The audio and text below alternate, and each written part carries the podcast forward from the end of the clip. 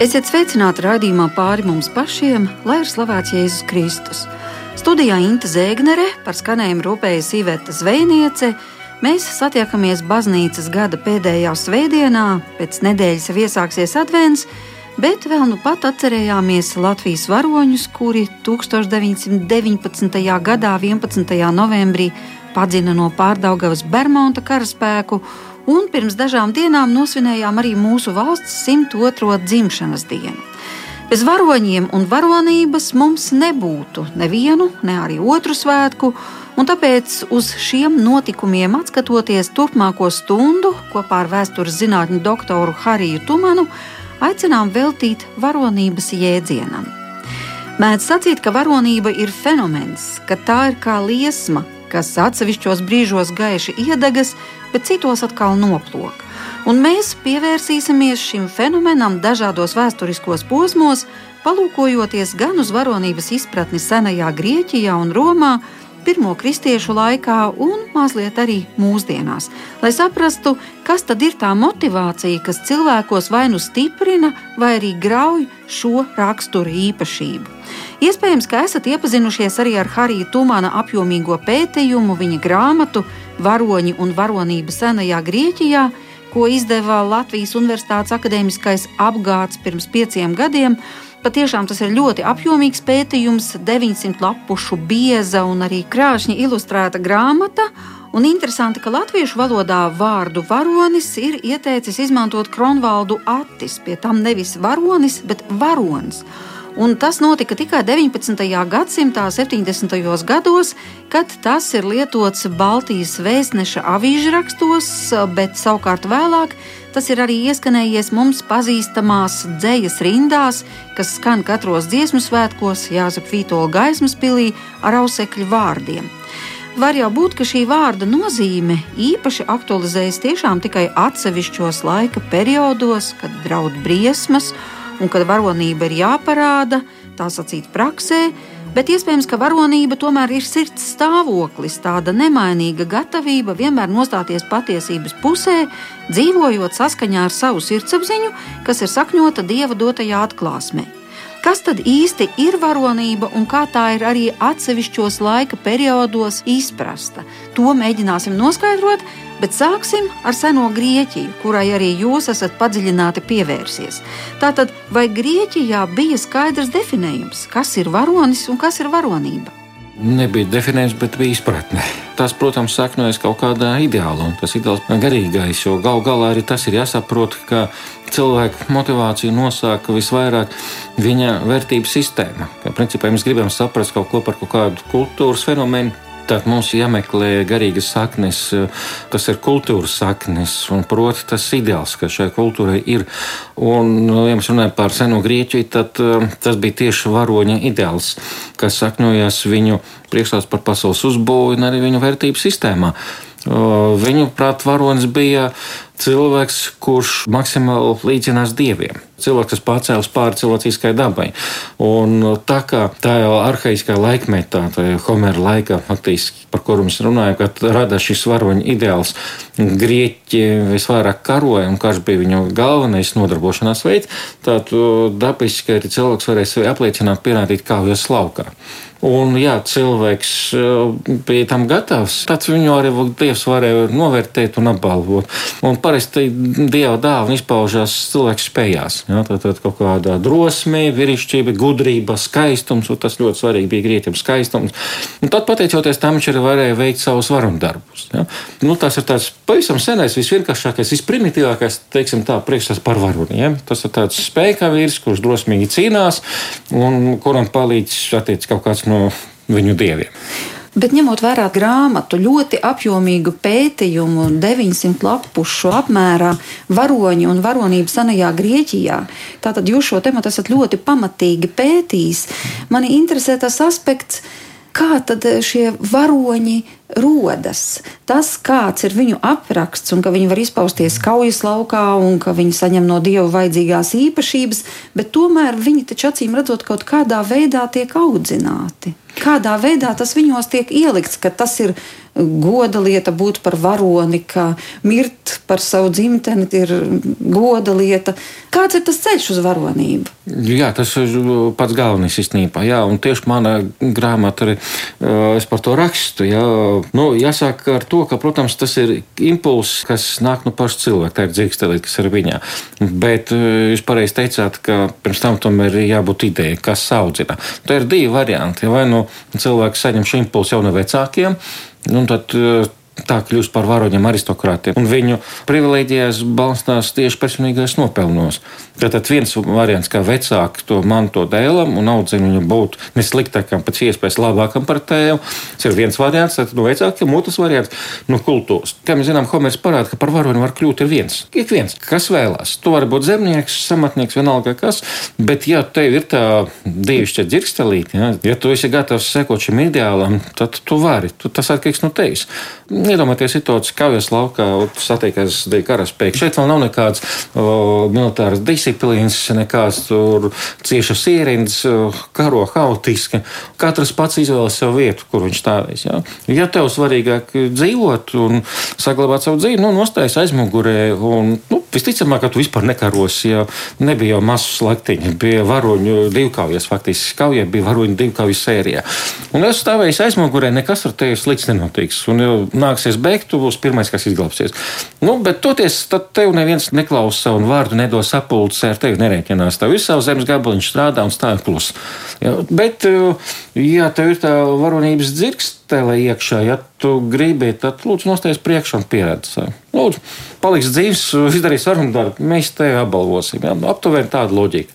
Tā kā principā tas ir pieejams jebkuram, bet, lai tas būtu iespējams, ir vajadzīgs šis ideāls. Jo varonība arī Homeram nenozīmē tikai drosmi kauja un spēja cīnīties, bet tas nozīmē arī veselu etisku standārtu. Jā, tur būt krietnam.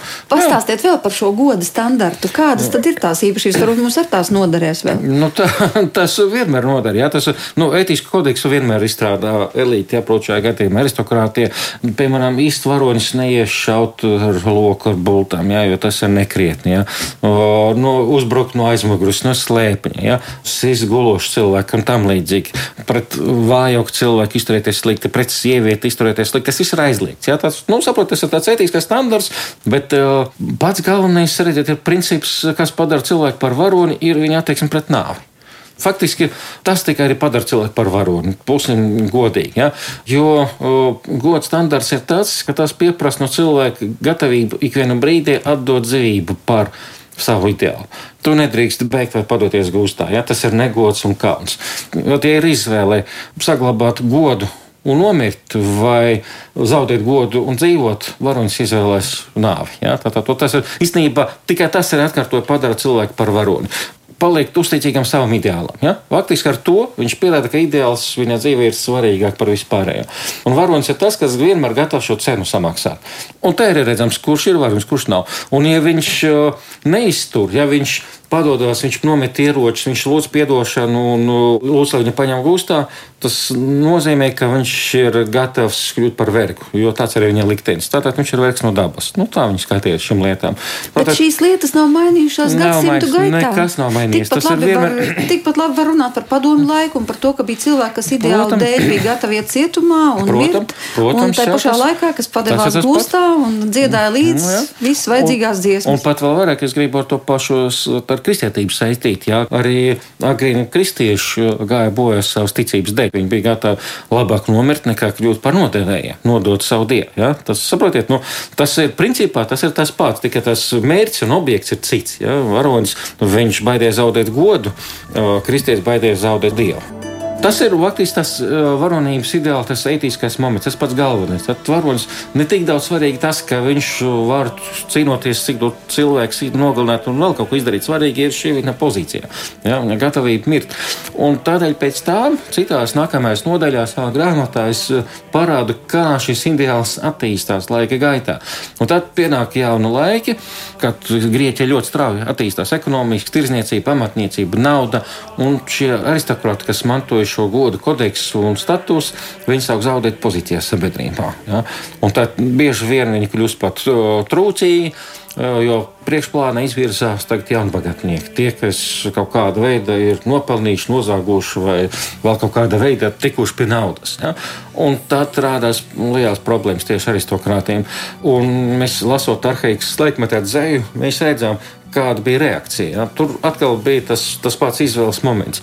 Saglabā godu un paliec dzīvot trūkumā vai zaudē godu un dzīvo bagāti. Ej laikam līdzi. Ja? Un atkal nekas nav mainījies, varētu sacīt. Nav, taisnība otrā, šis aspekts ar tītu ir ļoti kā nekā aktuāls šodien. Ja? Un to mēs labi redzam tā laika dzē, ja? ka tā ētiska izvēle.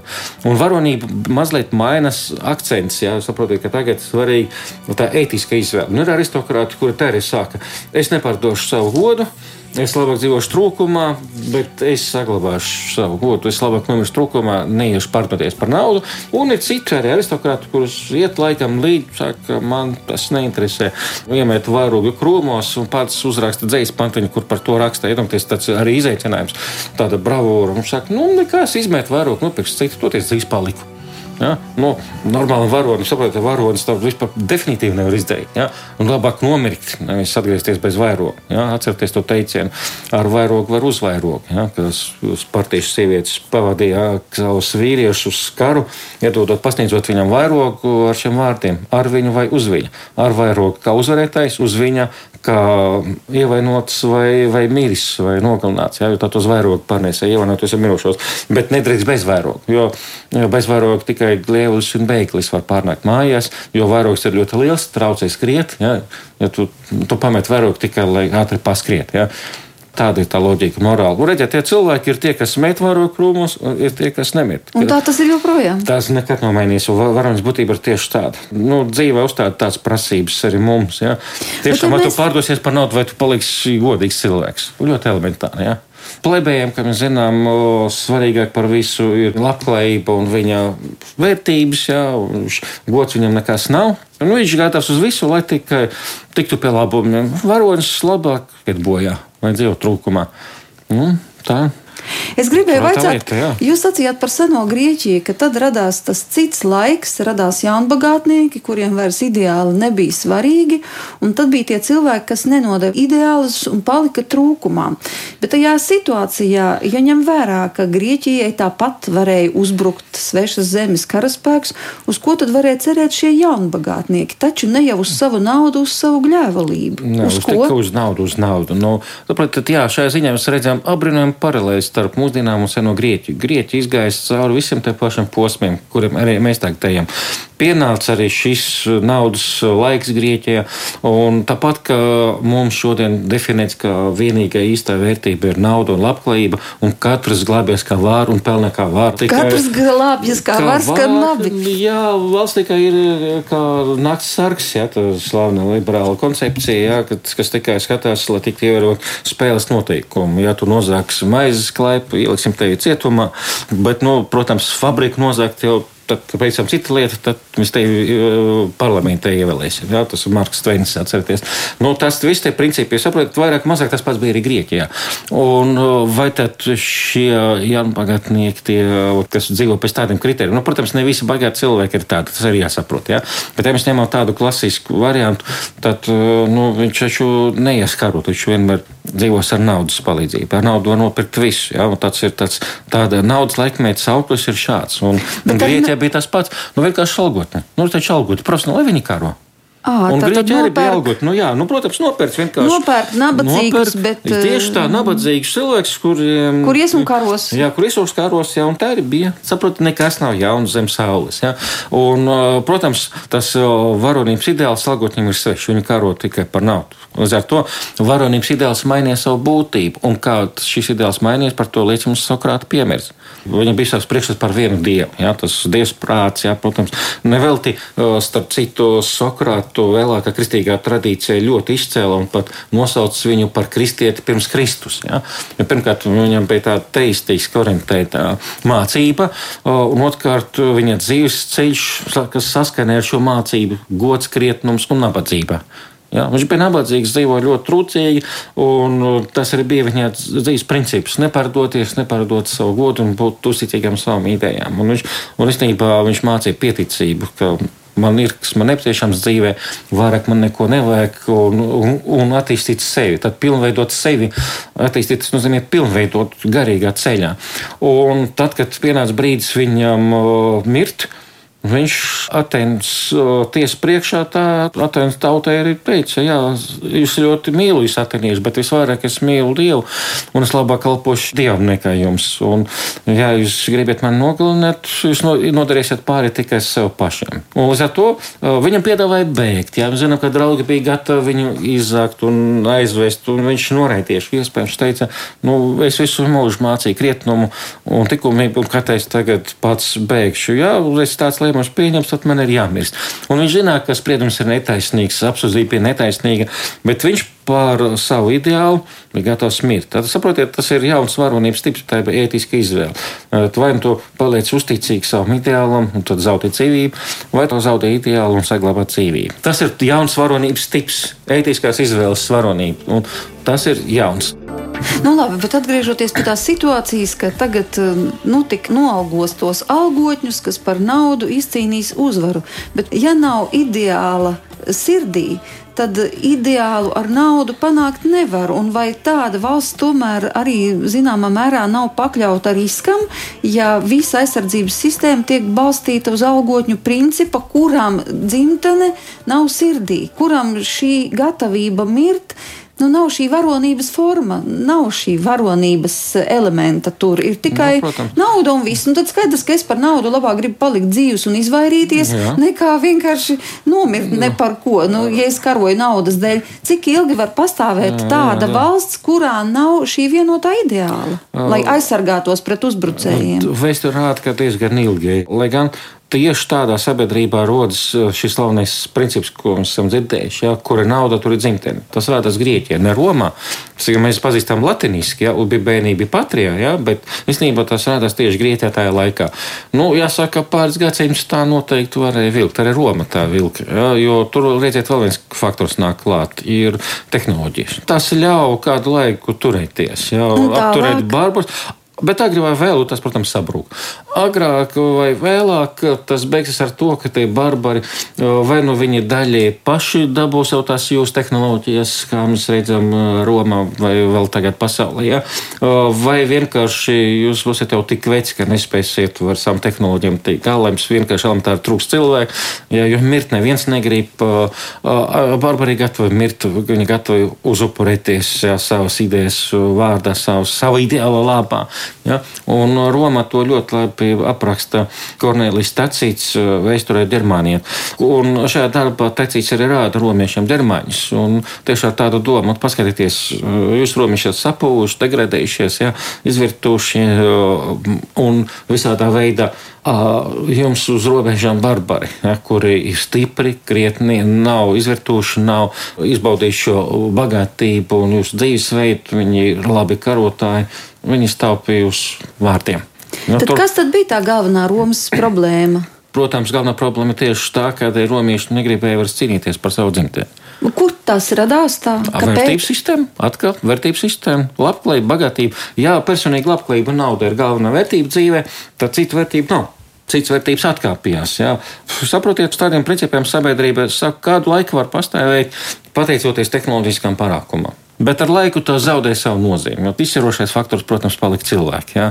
Un tie, kas uzbruka viņam, bija, protams, cilvēciskais materiāls bija nesalīdzinājumi labāks un kvalitatīvāks. Viņi bija gatavi cīnīties, mirt, upurēties. Ja? Tas ir likumsakarības process, jebkura civilizācijā. Un tad jūs minējāt pirmos kristiešus Jā. un to viņu varonības paraugu stundu. Jā. Un tur bija arī tāds moments, interesants, ko jūs pieminējāt, ka viņi negribēja nodot savu dievu. Un tā tad viņi Kristus dēļ gāja nāvē, jo negribēja atkāpties no ticības. Un tur ir tas moments, ka, ja grieķi negribēs zaudēt godu, tad šiem kristiešiem, kuru vidū arī droši vien bija grieķi un arī daudzas citas tautības, kas viņiem lēnām pievienojas, viņi negribēja zaudēt dievu, jo saprata, ka aiz šīs dzīves seko daudz svarīgāks Jā. nākošais posms, kas nebeidzas nekad.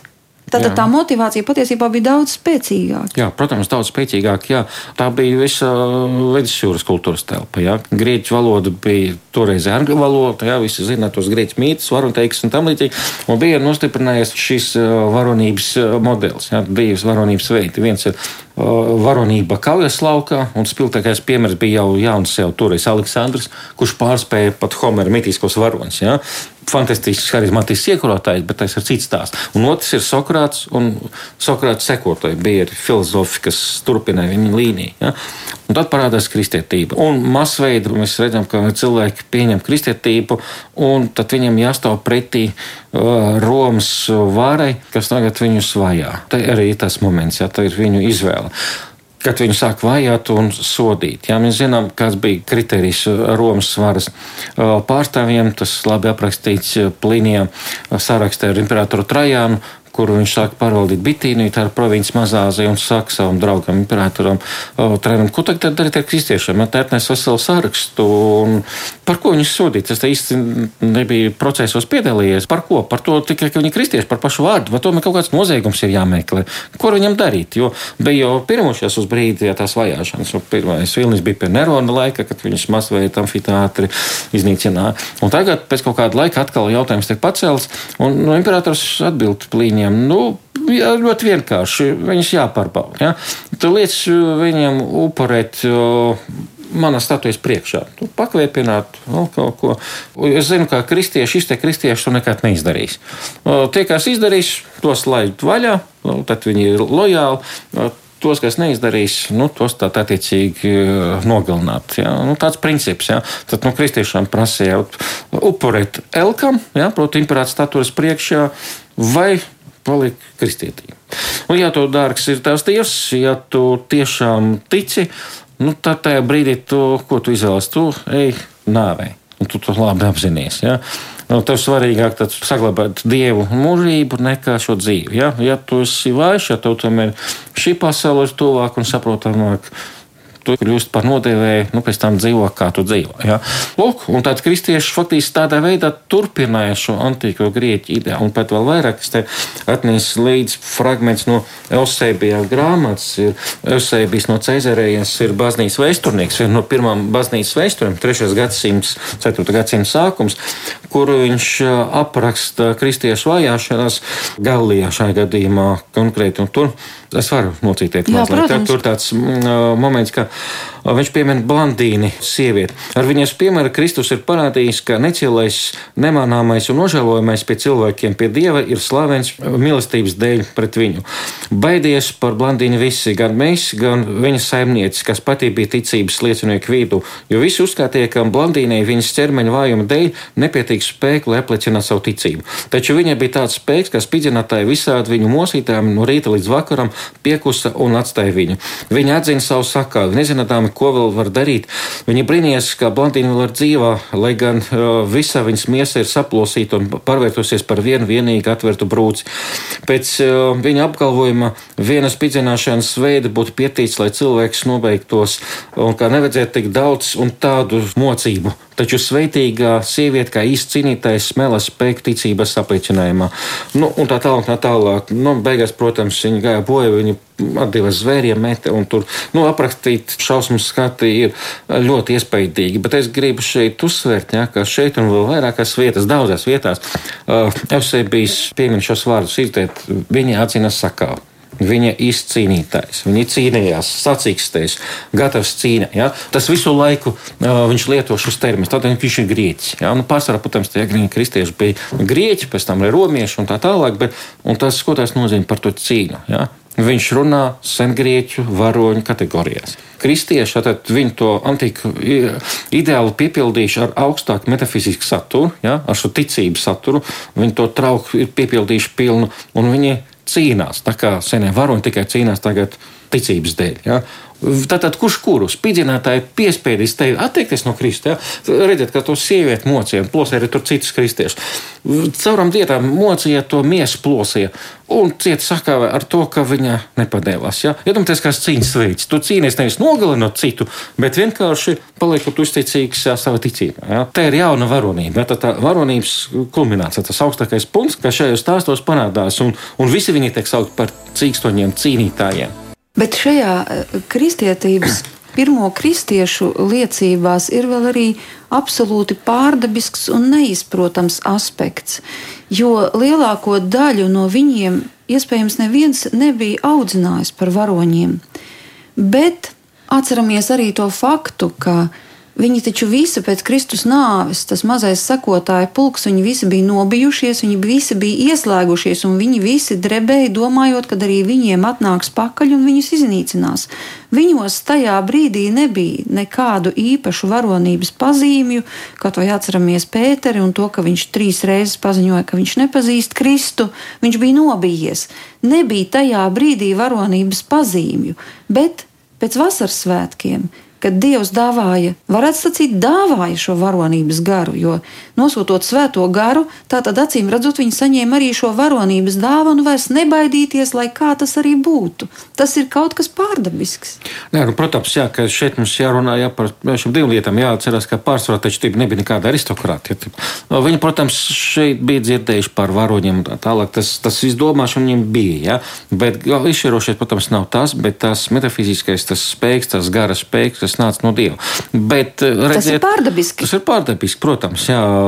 Tas ar to arī tas ideāls vispār pacēlās. Varonības ideāls pacēlās jau tas stipri uz augšu. Bet tāpat laikā, redziet, ne visi jau tomēr ir izturēji. Un tepat Eusēbis arī stāsta, ka bija daudz, kas atteicās, jā, kas notēvā. Nu, labi, Dievs, protams, vienmēr pretim nākošs un viņš savu roku vienmēr tur tev jā, pasniedz. Bet nu, tomēr tev pašam tas solis, nu, tev arī sava roka jāpastiep iepretim Dievam. Ja, tev pašam jāiet pie viņa. Jā. Tev jāizdara izvēle. Tev, nu, tev jāizdara viņš izvēle. Viņš neizdarīs jā. to nu, jūsu vietā. Tā. Viņš neizdarīs tā vietā. Viņš ir gatavs, viņš jebkuru greciniekam zinām, viņš gatavs pieņemt, bet nu, tomēr tā ir viņa izvēle. Un mēs redzam, ka šeit, tad, kad imperators statojas priekšā, cilvēkiem jāizdara izvēle, daudz izdara izvēli par labu sev, nevis dievam. Ja? Nu, bet ir, protams, arī vēl interesanti piemēri. Tepat viņš arī apraksta Sosībijas, ja? ka daudzi, kas bija atteikušies jau no dieva, upurējuši, nodevuši dievu, skatoties, kā tika mocīta šī blandīna un citi vēl vairāk tur mocekļi, ja? tur viņš ļoti smalki apraksta, kā viņš amfiteātri plosīja. Ja?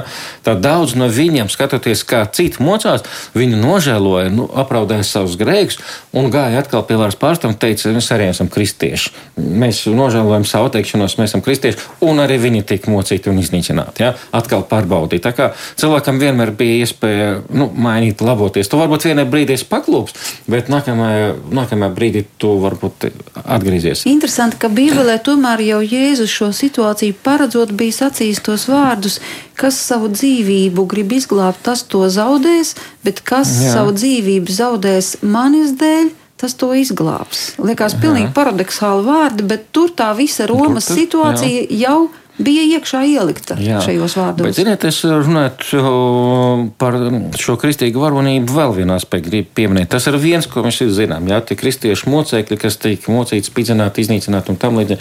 Iedomājieties, nu kas var būt šausmīgāks, kad cilvēki atdod zvēriem. Jā? Tas ir tas nāves veids, tas ir īpaši briesmīgs. Jā, tas ir viena tā varonības augstākā kulminācija, bet uh, ir vēl viens moments, par kuru mums raksta Tertulians. Jā? 3. gadsimts, 4. gadsimta sākums. Ja, tur viņam ir ļoti interesanti saprast, ka viņš uzrunā kristiešus par izpriecām. Par izpriecām, jā, kristieši. Nu, šajā brīdī nenotiek vajāšanas pat, jā, bet kristieši dzīvo kopā ar citiem romiešiem, un kā viņi dzīvo. Un tad viņš viņam pārmet, ko jūs ejat skatīties uz amfiteātru. Kāds drēbšus kāds? Jūs sekojat pasaulē.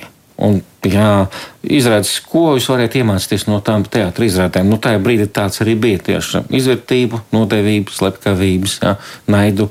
O, ko jūs varat redzēt amfiteātrī? Asins izliešana.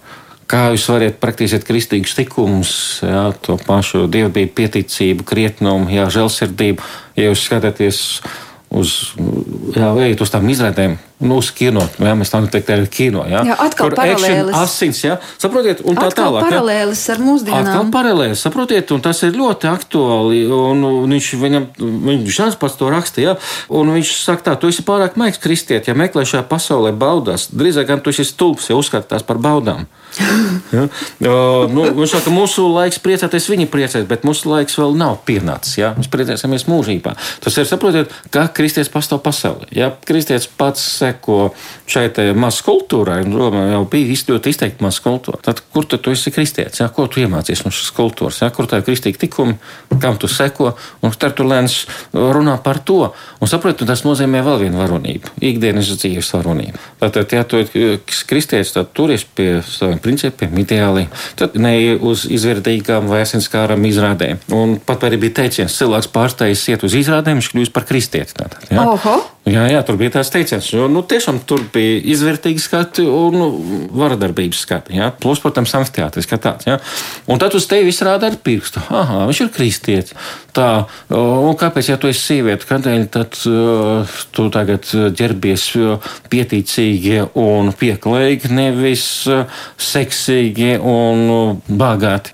Un viņš ir runā, viņam vesels raksts ir par sieviešu skaistumu, ka tas skaistums nevis matu pilnuma, vēl Pāvils rakstīja, bet nevis ārējā greznībā, zeltā un sudrabā, bet tava sirds tīrībā. Un tā ar to bija jārunā. Tas bija ļoti aktuāli toreiz, ja?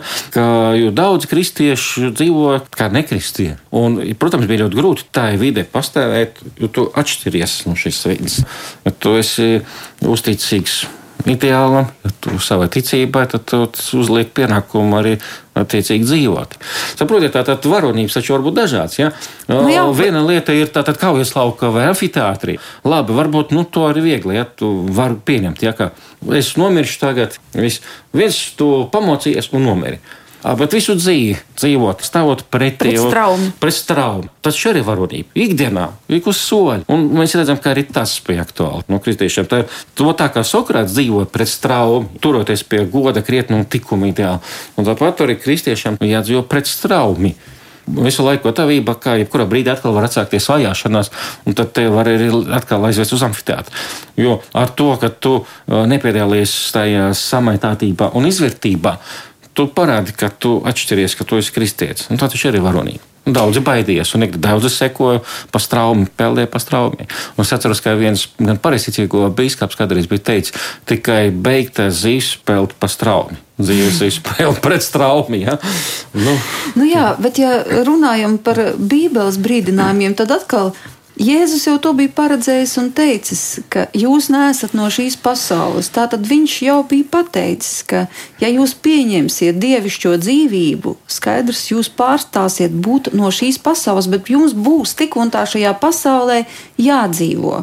Un kā pasauli man nepieņēma un vajāja, tā vajās arī jūs. Tā. Un tāpēc tajā lūkšanā pirms viņš gāja savu upurēšanās ceļu, tur ir tieši tie vārdi, ka Es nelūdzu viņš par savējiem, kuri viņam sekos, un sekoja jau toreiz. Viņš teica, es nelūdzu, lai tu viņus paņem no pasaules, bet es lūdzu, lai tu viņus pasargā no ļauna. Tātad viņš jau paredzēja, ka būs šī pretstraumes situācija, ka mhm. nesot no pasaules, pieņemot dieva garu, vajadzēs dzīvot pasaulē, kas Jā. dieva garu ignorē. Nu, pilnīgs izsavienojums. Jā, bet tā arī ir varonība ikdienā.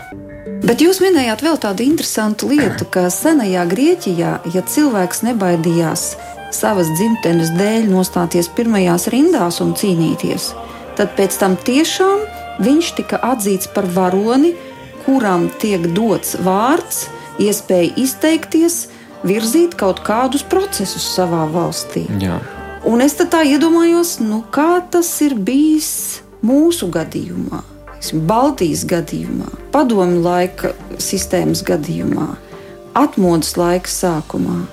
Es zinu, piemēram, Igaunijā, ka piemēram, bijusi iekšlieta ministra Igaunijā, Lāgle Pareka, kas cīnījās visu mūžu ar savu ģimeni kopā pret padomju sistēmu, tika izsūtīta lēģerī, tad, kad viņa atgriezās.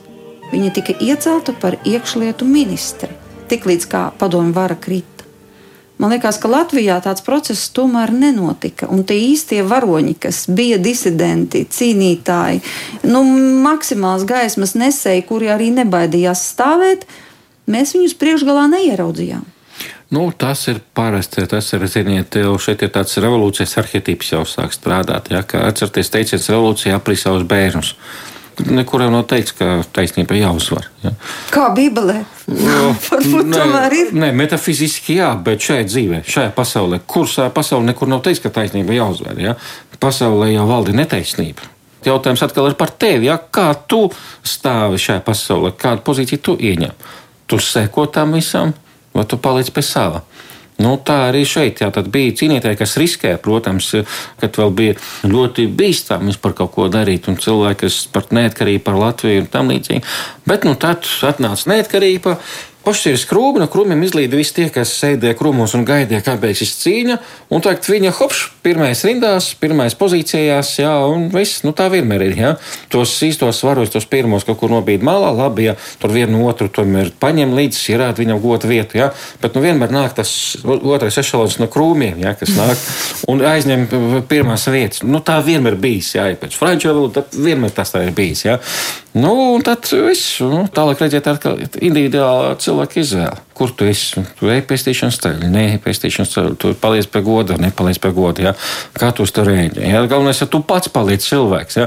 Nu, neatkarīgi no tā, kas notiek apkārt. Saprāt, nu, tā tad tu... atkal tas kritērijs nu, ir, vai nu, tev ir svarīgi, vai tu tici mūžīgai nu, dzīvei. Nu, tieši tā, jā, jā vai, vai teiksim, arī tam ideālam mēs runājam par seniem grieķiem. Bet, principā, tas pats. Ja? Tu esi uzticīgs vai neesi uzticīgs savai vērtībai, savam ideālam. Bet kā ir ar šo varonības izpratni vai varbūt um, gatavību uz varonību šodien? Kāds mums šodien ir ideāls, mēs jau runājam, nauda. Nauda un bauda. Nē, nu, protams, es mazliet pārspēlēju, ka gan jau individu līmenī vienmēr ir vieta varoņiem. Vienmēr, nu, nekad jau nav tā, ka vispār viņu nav. Bet, principā, ja runājam tā plašāk, tas ir audzināšanas darbs, tas ir kultūras darbs. Ja? Varoņi ir tad, kad viņi kultūrā stāv uz piedestāla. Bet skatieties apkārt, kas notiek. Nu, tad, kur tad var rasties, ja, ja cilvēks no bērnības eh, dzīvo un gatavojas dzīvot tikai ar meiti baudīt. Ja, ko tad nu, pēc tam ar kādu varonību var sagaidīt. Ja? Bet tas nozīmē, ka mēs vienkārši neizceļam savus ideālus un savus varoņus, ka iespējams, ka par viņiem būtu daudz vairāk jārunā, jāstāsta viņu dzīves un jāliek arī jaunākajai paudzei domāt, kāpēc viņi izvēlējās šādu ceļu, kas nu, viņus motivēja, nu, kā vārdā. Nu, protams, mēs to varam darīt un to vajag darīt, bet ja no vienas puses turpināsies tas pats naudas un baudas kults un paralēli stāstīs par varoņiem, tad būs divi, divi pretēji ideāli, jā, un diez vai. Tad varēs izvēlēties. Tas varēs izvēlēties, jā, protams. Un tas tādēļ tas ir vajadzīgs, tas ir jādara. Jā, bet saprotiet, tas otrs jau būs vienmēr margināls. Tas... Bet vai baznīcai kāda loma ir varonības attīstīšanā, izveidē vai patriotismu audzināšanā? Tā skaitā baznīcai ir kāda loma? Es Ticībā domāju, noteikti, loma? Protams, protams, ka noteikti. Baznīca nu, māca un audzina cilvēks. Kā cilvēku atkal kādu vērtību tam piegriež, tas atkal jautājums. No viņam atkarīgs. Jā. Jo šajā aspektā gadsimtu gadsimtiem nekas nav mainījies. Principi nu, jau saglabājušies tie pats. paši. Varoņi nav un nevar būt kultūrā, kas propagandē tikai naudas un baudas vērtības. Līdz ar to arī tur patriotismam maz vietas atliek, jo kura labi tur dzimtene. Un pēc tam taisnība, ka, protams, ka baznīca var strādāt, i skola, i cilvēki uz vietām, ir žurnālisti un tam līdzīgi.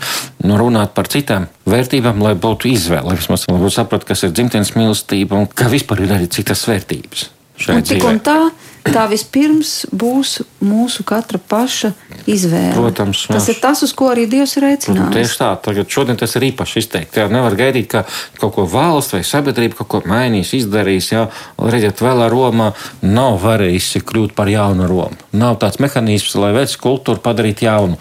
Vec kultūra savu nodzīvos nomirs, un tad būs jauna cita. Ja?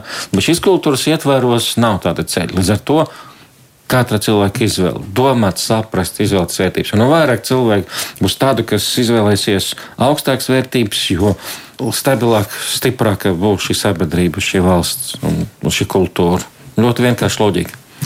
Paldies, es saku vēstures doktoram Harijam Tumanam par to, ka šovakar atnācāt uz raidījumu. Kopā ar jums bija Inta Zēgnere. Tiekamies atkal nākošajā svētdienā.